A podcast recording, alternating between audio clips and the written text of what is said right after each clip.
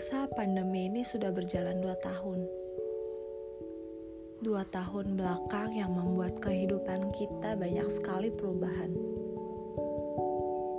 Perubahan tentang gaya hidup, perubahan bersosialisasi, perubahan kebijakan, dan sebagainya. Jujur sih, capek sama pandemi ini yang gak tahu sampai kapan bisa berakhir dan kita bisa hidup normal. Hidup normal seperti sebelum adanya pandemi pastinya. Kalau menurut kamu, gimana tentang pandemi dan PPKM ini yang akan diperpanjang lagi? Kalau kamu ingin berbagi dan bertukar cerita, kamu bisa DM Instagram aku ya, ditanya hati podcast. Halo semua, Lama banget aku udah gak upload episode baru karena ada beberapa kesibukan. Gimana nih kabar kalian semua?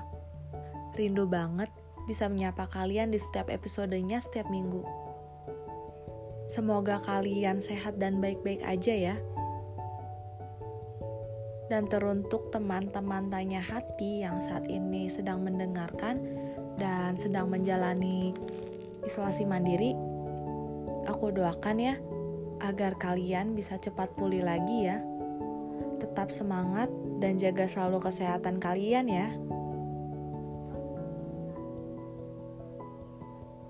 Kembali lagi ke topik. Kali ini aku mau bahas tentang PPKM. Perjuangan panjang kita menghadapinya. Menghadapi pandemi pastinya So, stay tune sampai akhir ya. Beberapa hari yang lalu, aku sempat lihat di story teman aku di mana ada video dari aplikasi video yang hits yang aku nggak bisa sebut saat ini dan aku yakin kalian pasti tahu itu apa. Jadi singkatnya video itu menceritakan di mana seorang bapak sedang berjualan jelly dan ketika ada yang membeli jelinya dengan harga 5000 rupiah, betapa bahagianya ekspresi bapak itu. Ditambah si pemvideo itu membelikan nasi bungkus untuk bapak tersebut untuk makan siang.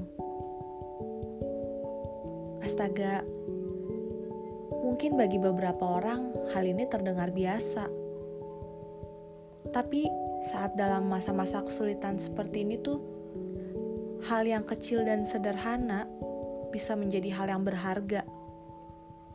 Dan sebaliknya, hal yang kecil bisa menjadi masalah saat dalam situasi sulit seperti ini. Inilah yang menjadi inspirasi episode kali ini. Kamu merasa gak sih selama pandemi ini yang kebijakan yang berubah-berubah mulai dari PSBB sampai ke PPKM level 4 ini tuh mengubah kehidupan seseorang mengubah finansial, gaya hidup, bahkan kepribadian seseorang pun bisa berubah. Jujur sih, capek sama keadaan ini semua.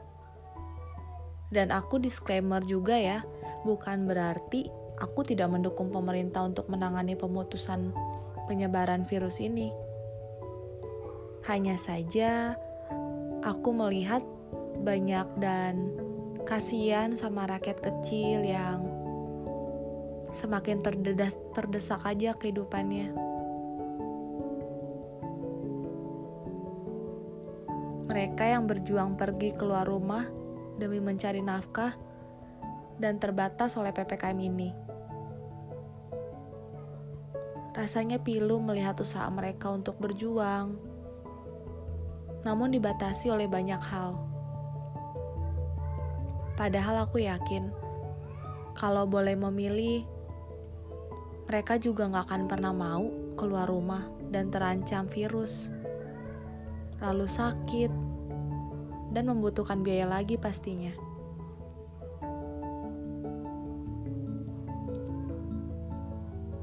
Bahkan perusahaan besar dan kantor pun bisa terkena dampak karena pandemi ini. Mereka berjuang menyelamatkan perusahaan dan kantornya masing-masing. Mereka yang berjuang mempertahankan karyawannya agar tetap bisa bekerja pastinya. Namun, itu semua dikalahkan oleh dampak pandemi. Satu persatu berguguran, satu persatu orang yang kita sayangi, orang yang kita kasihi, itu pun pergi, meninggalkan kita. Banyak hal-hal berharga yang kita miliki direnggut oleh pandemi ini. Dan kalau boleh memilih, dan kalau boleh berpendapat, aku juga merasa karena pandemi ini, orang-orang di sekitar kita dan orang lain itu bakal menjadi lebih sensitif.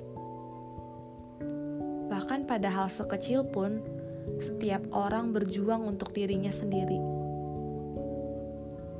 Setiap orang berjuang menyelamatkan dirinya sendiri dan keluarganya ketika ada hal-hal yang membuat dirinya terusik, mereka akan bersikap dengan caranya masing-masing dan tapi kadang dengan cara dan sikapnya itu mereka seakan-akan jadi ingin menang sendiri. Dan kita bisa nggak sadar kalau cara kita bersikap itu bisa menyakiti hati orang lain saat tindakan kita untuk membela diri sendiri, tanpa kita sadari, kita menyakiti perasaan orang lain.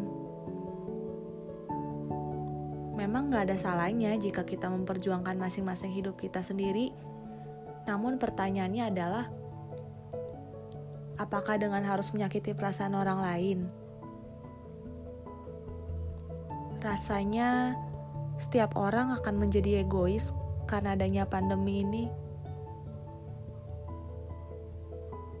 Ya, kalau boleh jujur, capek sama semuanya, butuh refresh diri. Tapi yang nggak tahu harus gimana lagi dengan semua keterbatasan ini. Di akhir episode ini,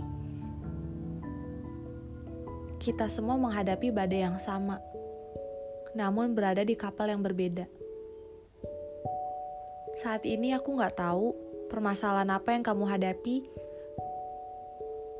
Yang aku tahu adalah kita semua sedang berjuang menghadapi badai yang sama. Tetap patuhi protokol kesehatan dan banyak berdoa ya. Hanya dengan kekuatan doa dan usaha kita bisa melewati ini semua. Teruntuk kamu yang kehilangan orang yang dicintai, aku doakan agar kalian senantiasa diberikan penghiburan. Teruntuk kamu yang kehilangan dan belum, dan saat ini sedang mencari pekerjaan, aku doain ya, agar kalian bisa segera mendapatkan pekerjaan yang baik. Teruntuk yang sedang isolasi mandiri, aku doakan agar kamu sehat dan cepat pulih ya dan teruntuk kamu yang berjuang untuk diri sendiri dan sedang berjuang untuk keluarga kalian. Aku doain agar hidup kita selalu dalam keberkahan ya. Tetap semangat dan ingat kalau kamu nggak sendiri. Sampai jumpa lagi di episode Tanya Hati selanjutnya ya. Bye.